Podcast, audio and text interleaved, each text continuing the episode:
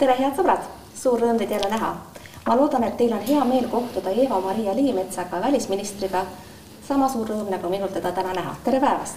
tere päevast. Teie olete tulnud ministriametisse diplomaadi rollist. tahaksin alustada küsimusest, kui kerge või raske on see rollivahetus teile olnud? Mul on tõesti hea meel, et ma diplomaadi rollist sain poliitiku rollis jätkata oma lemmikvaldkonnas, mis on välispoliitilised suhted, diplomaatia. Ja on olnud nii raskeid hetki kui ka kergeid ja meeleolukaid hetki, et mõlemaid on tulnud ette. Mis on suurim erinevus, ma saan aru, ühine on kahtlemata see, et sõna on väga tähtis ja iga sõna tuleb kaaluda, kuid kindlasti on ka põhimõttelisi erinevusi ja kõige suurem erinevus on kindlasti see, et oma eelmises ametis esindasime alati Eesti riiki. mul oli teada väga selgelt, mis on Eesti riigi eesmärgid, huvid ja ka siis, kui valitsused vahetusid, äh, siis me võtsime need positsioonid ja tutvustasime, tutvustasin Eesti seisukohti teistes riikides. Äh, praegu on nii, et ähm, mul on selge valitsuse poliitika kuid kindlasti pean ma arvestama ka riigisisese poliitikaga ja äh, laiemalt äh, Eesti inimeste huvidega, mis on eelkõige nagu sisepoliitikas aktuaalne. arusaadav miks te Keskerakonda astumisega ikka viivitate, te olete andnud põhimõttelise lubaduse, et seda teete, aga ometi pole seda senimaani juhtunud, miks? Äh, sellepärast, et ma olen oma tänases ametis tahtnud ennast äh, nii-öelda käima tõmmata, äh, et see töö mul hästi jookseks ja siis ka astuda järgmised sammud Eesti sisepoliitikas. Te olete öelnud, et tahaksite näha Keskerakonna lepingut Vene võimuparteiga Ühtne Venemaa. kas teil on tänaseks seda lepingut juba näidatud?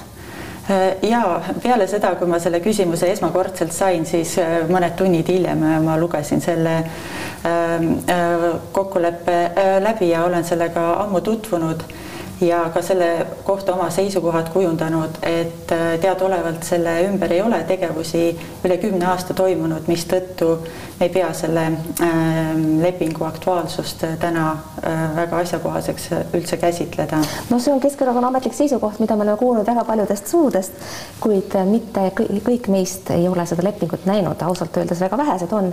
kas oli midagi selle lepingu lugemisel, mis teid üllatas või, või ka sellises ajaloolises plaanis, kui te ütlete, et see enam ei ole kuigi aktuaalne, silma torkas? Äh, selles äh, oli äh, loetletud punktid, kuidas parteidevahelist koostööd edendada. et selles osas ma ütleksin, et see midagi ei, otseselt nagu ei olnud üllatavat seal, et kui ähm, kui otsustati tolleaegsete partei juhtivate poolt selline kokkulepe teha, siis ähm, tõepoolest seal nagu otsiti koostöövõimalusi ja seda seal ka on üles loetletud me hakkame täna rääkima peamiselt Venemaast, kellega suhted on väga pingelised olnud nii Eestil kui ka on praegu tervel lääneriikide, lääneriikide leeril ja noh, sellel taustal võiks siiski tunduda kummaline, et erakonnal, mis on valitsuses ja mis oli eelmises valitsuses ka peaministripartei, on säärane leping. kas te olete näiteks tõstnud küsimuse, et selle lepingu kehtivuse võiks üleüldse lõpetada, võiks selle lepingu kinni panna? Äh, ja see äh, arutelu on toimunud ja, ja nagu rahvusvaheliste lepingutega on, et äh, ähm, ma juhiksin ka kõigepealt tähelepanu muidugi, et see ei ole nagu leping, et see on parteidevaheline vastastikuse mõistmise dokument, nii-öelda memorandum, et tal ei ole nagu lepingulist kaalu, aga sellest juriidilisest nüansist edasi minnes, siis kui selle äh, memorandumi ümber tegevus ei toimu, siis otseselt on seal ka keeruline asuda midagi äh, lõpetama. arusaadav. räägime Putini kõnest, mida teie eeldatavasti jälgisite laivis, oli see nii?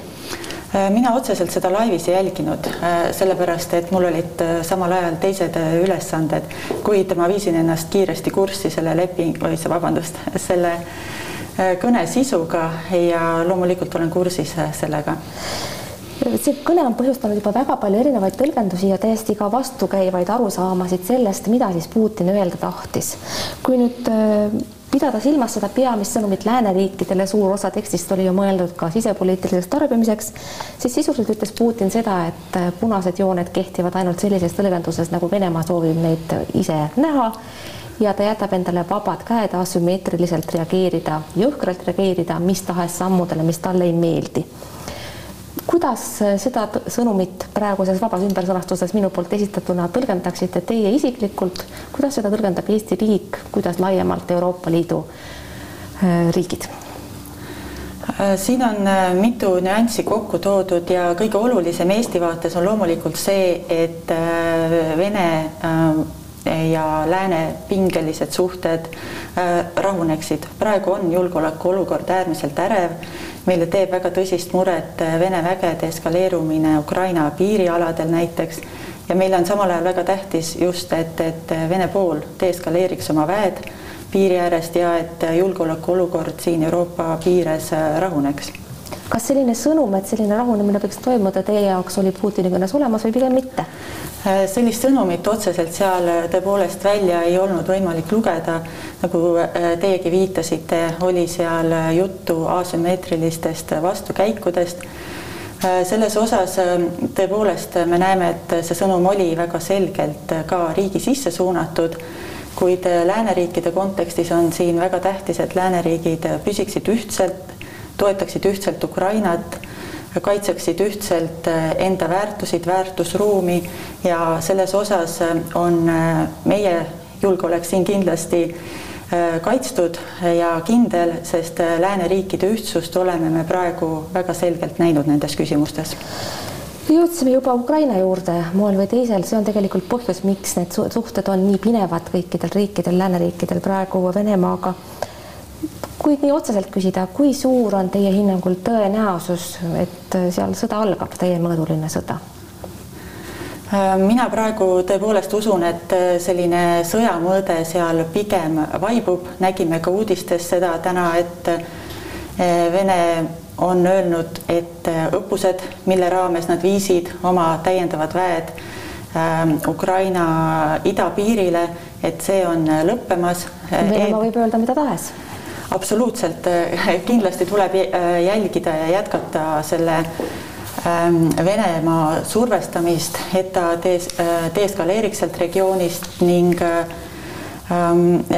loomulikult me jär-, väga pingsalt vaatame, et nendele sõnadele järgneksid ka teod. NATO liidrid kohtuvad juba juunis Brüsselis ja kindlasti on Vene suhted seal üks põhilisi teemasid. missugust sõnumit teie ootate seal Brüsselis sündimas Biden peaks kuuldavasti ka seal osalema? Äh, meie jaoks on äh, äärmiselt oluline, et äh, NATO kinnitaks oma heidutusvõimet. selle kohta tuleksid selged sõnumid, et artikkel viis on oluline, et see jääb NATO südameks ning selliseid sõnumeid me sealt tippkohtumiselt ootame ja loomulikult Eesti kui NATO liikmesriik selliste sõnumite väljatöötamisega praegu ka tegeleb. aga ikkagi Ukraina, Äh, see on riik, kelle saatus meile läheb erakordselt korda nii ajaloost, loolistel põhjustel, noh, kui ka empaatilistel. me mõistame, kui, kui hirmus see on, mis seal on toimunud, see pikaaegne sõda, mis võib-olla toimub madal, nii-öelda madalal kuumusel, kuid pole siiski ju lõppenud mitme aasta jooksul missugused võiksid olla Ukraina võimalused saada NATO liikmeks, seal on tekkinud justkui surnud ring, neil oleks hädasti vaja NATO tuge ja see liikme, liikmelisus kaitseks neid sõja eest. samas ei taha NATO neid oma liikmena näha, sest nad on sõjas. mis on selle surnud ringi lahendus? Et äh, siin on küll äh,, tuleks korrigeerida seda aspekti, et NATO ei taha neid oma liikmena näha. no mäppi pole antud.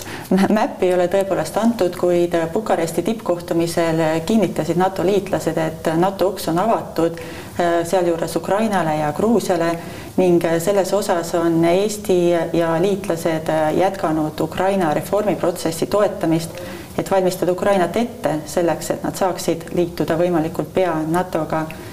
eelmisel nädalal oli ka NATO-Ukraina äh, nõukogu kohtumine, kus Ukraina välisminister sai väga tugeva toetuse liitlaste poolt, et need on kõik väga olulised sammud ja aitavad kindlustada Ukraina teed NATO suunas. samas on president Zelenskile antud nõu mitte liiga palju NATO-t survestada ja kiirustada tagant liikmeks saamisega noh, nimetatud olukorra tõttu.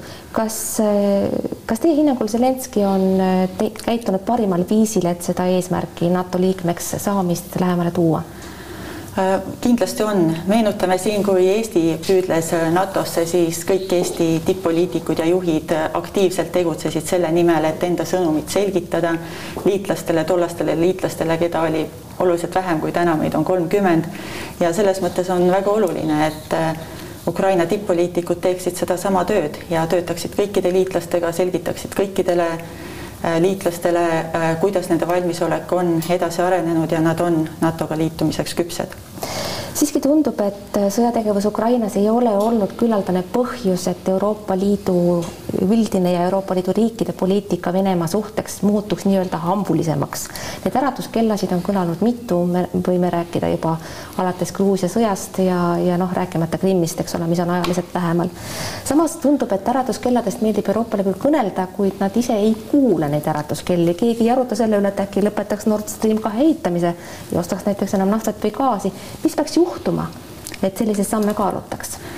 Äh, ma tooksin äh, ühe teise aspekti siin välja, mis mulle tundub, et on jäänud meediaruumis äh, tähelepanuta, kuid Euroopa Liit on olnud väga põhimõttekindel ja sellesama Krimmi annekteerimisega seoses on kehtestanud Venemaale sanktsioonid. aga Ukrainaga seoses mitte?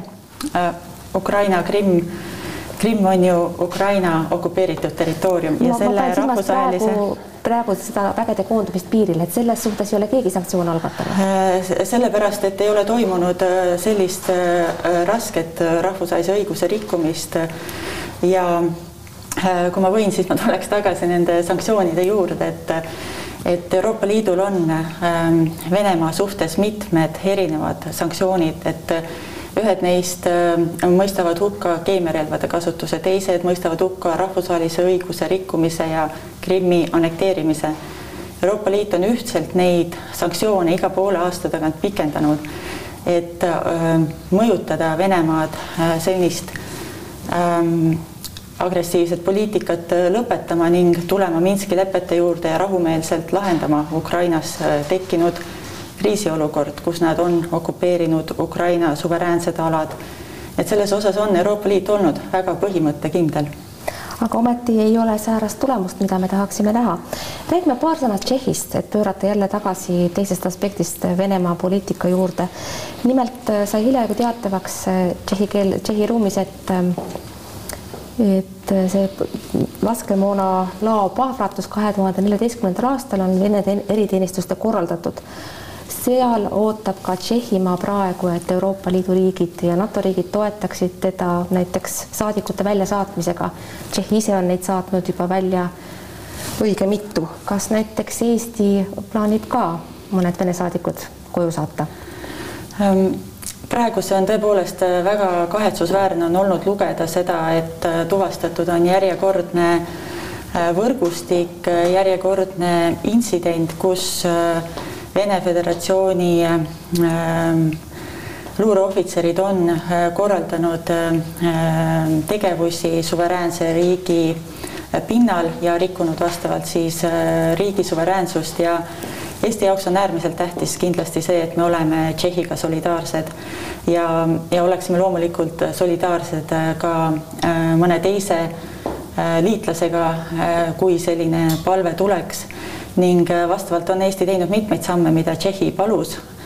Äh, me oleme teinud ka Euroopa Liidus ühisavalduse, me oleme teinud ka NATO-s ühisavalduse ja äh, ühiselt mitme teise liitlasega jah, oleme me ka välja saatmas Vene Föderatsiooni diplomaadi. ütleksin siin veel kord, kuna me oleme siin laia publiku ees, et me räägime siiski üldisemalt diplomaatide väljasaatmisest, et suursaadikute äh, või saadikute väljasaatmine, et äh, see on diplomaatilisel skaalal hoopis teistsugune samm ja seda ei ole me antud juhul käsitlenud. arusaadav, te olete ise olnud suursaadik Tšehhimaal ja tunnete sealseid olusid ilmselt kõige paremini Eestis. missugune on see teie hinnangul olnud see dünaamika nüüd tänaste sündmusteni? Vene-Tšehhi suhted ei ole olnud nii pingelised mitte kunagi ja mitte kunagi varem ei ole Tšehhi pinnal toimunud äh, tegevused leidnud nii laia rahvusvahelist vastukaja? Äh, Vene-Tšehhi suhted on olnud üsna keerulised üsna pikka aega, et tõepoolest äh, oma kahe ja poole aasta jooksul Prahas nägin ma meedias väga tihti uudiseid selle kohta, kuidas tuvastati üks või teine luuretegevus Tšehhi pinnal. näiteks korraldati Tšehhist laialdasi küberründeid äh, teistes Euroopa Liidu liikmesriikides. Äh, Tšehhi, Vene-Tšehhi suhteid pingestas kindlasti ka kindral Konevi monumendi ümber käiv, kus Praha kuuenda linnaosa vanem liigutas monumendi keskväljakult ära. kindlasti kahjustas suhteid ka see, kui Vene saatkonda ümber olev väljak nimetati hiljuti ümber Nemtsovi väljakuks. Nii et me võime lugeda ette väga mitmeid teemasid, mis on kahjustanud Tšehhi-Vene suhteid, nii et selles kontekstis kus see madalseis täpselt oli ja kas see saab veel madalamaks minna, et, et, et see ma arvan, et siin muidugi tuleb küsida tšehhide hinnangut, kuid, kuid see madalseis oli käes juba mõni aeg tagasi ei ole see üldsegi mitte praegu. siiski meie jaoks on see nagu šokeeriv, sest tegemist on Euroopa Liidu ja NATO riigi, riigiga, kus äh, säärased sündmused toimusid. kuid pöörame äh, korraks. korraks veel ütlen, et need sündmused tegelikult, millest me täna rääkisime äh, ja räägime, neid ju toimusid kahe tuhande neljateistkümnendal aastal. jah, aga no praegu said teatavaks. mõni sõna Navalnõist, kui suur on hinnangul, teie hinnangul tõenäosus, et ta sellest vanglast üldse eluga välja tuleb, et tal oleks võimalik võib-olla näiteks siis Eestisse tulla, nagu te olete väidetavasti öelnud, et seda kaalutakse? Äh, ja me väga loodan, et äh, opositsioonipoliitik Navalnõi tuleb sellest olukorrast eluga välja ja siin äh, me oleme teinud väga palju selleks, et kaasa aidata sellele, et, et ta vabastataks vanglast tema õigusmõistmine, vabandust, tema kinnipidamine on vastuolus ähm, õigusriigi põhimõtetega. seda sõnumit on selgelt sedastatud Vene Föderatsioonile nii Eesti poolt kui ka Euroopa Liidu poolt ühiselt ja ja selles osas on väga tähtis, et äh, Vene Föderatsioon peaks kinni Euroopa Inimõiguste Kohtu äh, vastavast äh, hinnangust. tõsi on see, et kõik, kõik lääneriigid on nõudnud Navalnõi vabastamist, aga seda pole tehtud. küsimus oleks aga pigem, kui tihe on teie kontakt praegu, Eesti riigi kontakt Navalnõi meeskonnaga, et juhul, kui ta tõesti vabaneb ja tuleb kõne alla tema siin varjupaiga palumine, kui, kui tõenäoline on, et see juhtuks, et see saaks teoks? Äh, selles osas äh, mina ise olen kohtunud tema meeskonnaga tänaseks juba vist umbes kuu aega tagasi äh, Brüsselis, et meil on kontaktid loodud nendega ja nendel on meie kontaktid, nii et selles osas kui see vajadus tekib, siis meil on kontaktid olemas, et me saame seda küsimust arutada. vaatame korra seda Vene küsimust ka suhetes USA-ga märtsis oli üks selline saade, kus USA president Joe Biden nõustus äh, väitega, et Putin on mõrvar või tapja, oleneb siis, kuidas tõlkida. kui keegi esitaks teile sellises vormis küsimuse, kas te vastaksite jaatavalt, nagu vastas Biden? see äh,, mina ütleksin, et äh, sellistes küsimustes on ikkagi kohus see kohtumõistja, mitte mina inimesena muide, ekspresident Toomas Hendrik Ilves on arvanud äh, Die Weltis, et Euroopa peaks Putini suhtes äh, samasuguse seisukohta kohe võtma nagu Biden, kuidas sellesse suhtuda, tegemist on ekspresidendiga? ja ma arvan, et see on äh, kindlasti küsimus, millele poliitikutel ja analüütikutel on asjakohane mõtteid mõlgutada ja ja, ja seisukohta kujundada rahvusvahelises üldsuses. aga missugune on teie seisukoht? minu seisukoht selles küsimuses, et et kas teie hinnangul peaks samamoodi äh, Euroopa Bideni eeskujul Putini mõrvariks tunnust tunnistama? Ähm, mina ütleksin, et äh, selles osas äh, ei ole asjad veel nii kaugel. Ilves arvas muide ka, et võiks lõpetada Venemaalt Euroopasse sõitvate kodanike viis, kodanikele viisade andmise. Te olete öelnud, et see ei ole teie hinnangul kohane reaktsioon, kuid missuguse sõnumi annab, kui säärase avaldusega välja tuleb Eesti ekspresident? Mina ütleks, et see on väga hea, et meie ekspresident, austatud Toomas Hendrik Ilves elavdab debatti sellistes küsimustes ja ma arvan, et see on väga hea, et me seda arutelu siin oleme pidanud. omalt poolt ma ütlesin tõepoolest, et Venemaa kodanikuühiskonna tugevdamise eesmärgil oleks hea, kui kontakt inimeste vahel jätkub ja ma saan aru, et ekspresident viitas eelkõige ka sellele, et Venemaa, Vene Föderatsioonis viisarežiimi kaudu võib tulla äh, ka selliseid inimesi Euroopa Liidu liikmesriikidesse, kes ei ole siia oodatud, aga ma usun, et nendega juba tegelevad vastavad ametkonnad ja äh, selle, selle tõttu ei peaks kannatama äh, tavalised Vene inimesed räägitakse Bideni ja Putini tippkohtumisest, Soome on juba valmis jällegi sellist kohtumist korraldama. missugust sõnumit saame meie sellelt kohtumiselt ootama, kui see saab teoks? Kindlasti on väga tähtis, et kui see kohtumine toimub, et siis rahuneksid Lääne ja Venemaa vahelised suhted ning meile on väga tähtis, et leitaks tee, kuidas Venemaa pöörduks tagasi rahvusvaheliste kohustuste, rahvusvahelise õiguse ähm, kohustuste täitmise juurde ning samuti äh, lõpetaks rasked inimõiguste rikkumised, et meil on väga tähtis, kui selline dialoog viib sellise tulemuseni, siis oleks põhjust ka meil äh, heameelt tunda. hästi, räägime mõne sõna piirilepingust, mis oli teie esimene algatus, kui te välisministriks saite ja ausalt öeldes ei leidnud see avalikkuses just eriti suurt mõistmist.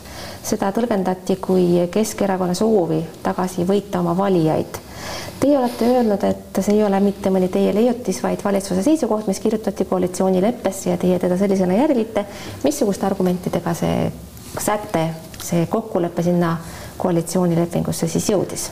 Äh, koalitsioonilepingus küll seda küsimust ei ole, et selle äh, teema me panin äh, oma välispoliitika ettekandesse, kus ma tutvustasin Eesti välispoliitika suundi Eesti tänase valitsuse välispoliitika suundi, see on iga-aastane korraline kõne, mida välisminister veebruari keskel teeb.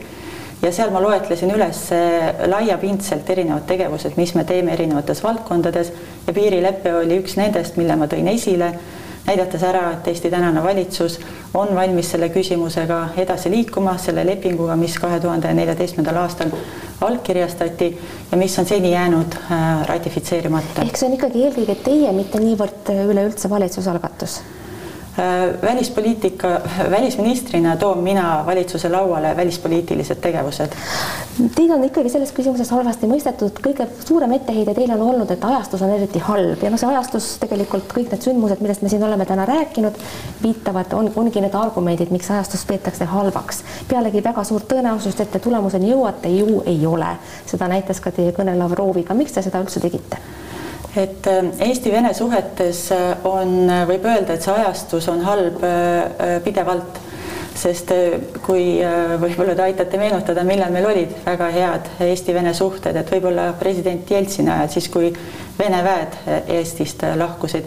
et selles kontekstis on see suhete atmosfäär olnud pingeline vahelduva eduga ja, ja sellest hoolimata on tähtis, et me lõpetaksime ära lahtised küsimused ja nendest üks on äh, näiteks Eesti piirilepingu puudumine. Te ütlesite, et see küsimus on tohutult üli, ülepolitiseeritud ja tegemist on pigem juriidilise küsimusega. ma ei mõistnud seda selgitust, kas te võiksite lühidalt praegu öelda, mida te silmas pidasite, kui te seda ütlesite? Äh, ma pidasin seda silmas, et äh, see leping on allkirjastatud juba mõnda aega tagasi ja ootab ratifitseerimist mõlema riigi parlamendi poolt ja vastavalt äh, on äh, kokkulepped juba sõlmitud ja oleks tähtis see leping äh, ära ratifitseerida. Eesti jaoks on siin väga tähtis see, et see ratifitseerimisprotsess liiguks edasi paralleelselt Eestis ja Venemaal. paar sõna Soomest või õigemini hästi lühidalt, Riigikogu võttis vastu just pöördumise Soome parlamendi poole, et saaks taastuda tööränne. see on asi, mis puudutab päris paljusid peresid, paljud pereisad on praegu Soomes kinni, edasi-tagasi liikumine on võimatu ja nüüd on see juba neljandat kuud nõnda. mida teie olete isiklikult teinud selleks, et tööränne Soomega saaks taastuda? töörände taastamisega me tegeleme tõepoolest igapäevaselt, et mina isiklikult olen suhelnud selles kontekstis välisministriga ma olen äh, julgustanud meie töörühma, äh, mis on Eesti ja Soome spetsialistide poolt kokku kutsutud, et seda küsimust lahendama, et äh, aidata kaasa välja töötada need usaldusmeetmed, mis aitaksid piiri uuesti avada. ja sellega me tõepoolest töötame igapäevaselt, et see piir töörände osas uuesti avataks kuid siin tuleb silmas pidada, et see on ikkagi, piir on kinni sellepärast, et Äh, peatada ähm, koroonaviiruse äh, levik ja siin osas on meil kindlasti äärmiselt oluline, et äh, me saaksime Eestis koroonaviiruse leviku peatatud. mul on siinkohal kindlasti väga hea meel ka välja tuua selle, et, et on Eestis on väga positiivne trend praegu, numbrid on kenasti kukkunud ja, ja loodetavasti aitab see kaasa, et me saame selle töörände kiiresti avatud. hästi, lõpetuseks ministri töökoht on üks ebakindlamaid ameteid maa peal, see võib lõppeda päevapealt ja täiesti ootamatutel põhjustel, nagu me oleme ka hiljuti Eesti aktuaalsetest sündmustest tähele pannud. kui nüüd teiega peaks juhtuma, et te, te peaksite sellest ametist ilma jääma põhjusel või teisel, kas siis, missugune on teie plaan B, naasta näiteks diplomaatilisele tööle, midagi muud? siis ma vaatan jah, laia pilguga ringi ja otsin endale järgmise töökoha, mis mulle tundub huvitav ja kuhu ma oma kompetentsidega saan panustada. Eva-Maria Liinets, viimane küsimus, mis on teie suur eesmärk Eesti välispoliitikas, mis on see, mida te tahaksite, et teie tööst jäädakse mäletama, kui te olete ametikohta vahetanud? ma soovin seda, et Eesti äh, välis- ja julgeolekupoliitika jätkub kindlatel alustel ja me välis, Eesti maine on tõusnud, Eesti on äh, usaldusväärne liitlane ja Eesti äh, välis- ja julgeolekupoliitika põhineb meie ühistel väärtustel, Eesti väärtustel, need on inimõigused, õigusriigist ja demokraatlikest põhimõtetest kinnipidamine. välisminister Eva-Maria Liimets, suur tänu, aitäh, et vaatasite, armsad sõbrad, vaadake teinekord ikka jälle, olge vahepeal terved, kuulmiseni, nägemiseni